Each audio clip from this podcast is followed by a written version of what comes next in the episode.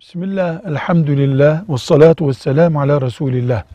Sakal, Resulullah sallallahu aleyhi ve sellemin çok mühim müekket sünnetlerindendir. Yani sakal, keyfi olarak bırakılabilecek, bırakılmayacak denebilir emirlerinden değildir. Ciddi sünnettir. Bu sebeple İslam uleması neredeyse söz birliği etmiş olarak sakalın erkek için ihtiyari, isterse yapacağı bir şey olmadığını, Müslüman olarak sakala mecbur olduğunu söylemişlerdir.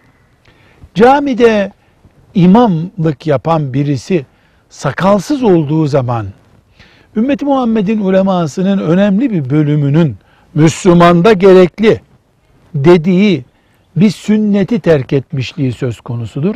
Herhangi bir özrü yoksa. Memurluk bir özür değildir. İmamlar için böyle bir engel yok çünkü. Bu sakaldan dolayı önemli bir görevi imal etmiş olması arkasında kılınan namazların caiz olmayacağını söyleyecek düzeyde değildir. Yani bu işlediği suç suçtur ama namazın imamı olarak kıldırılmasına engel değildir. İki şey arasını ayırmak lazım.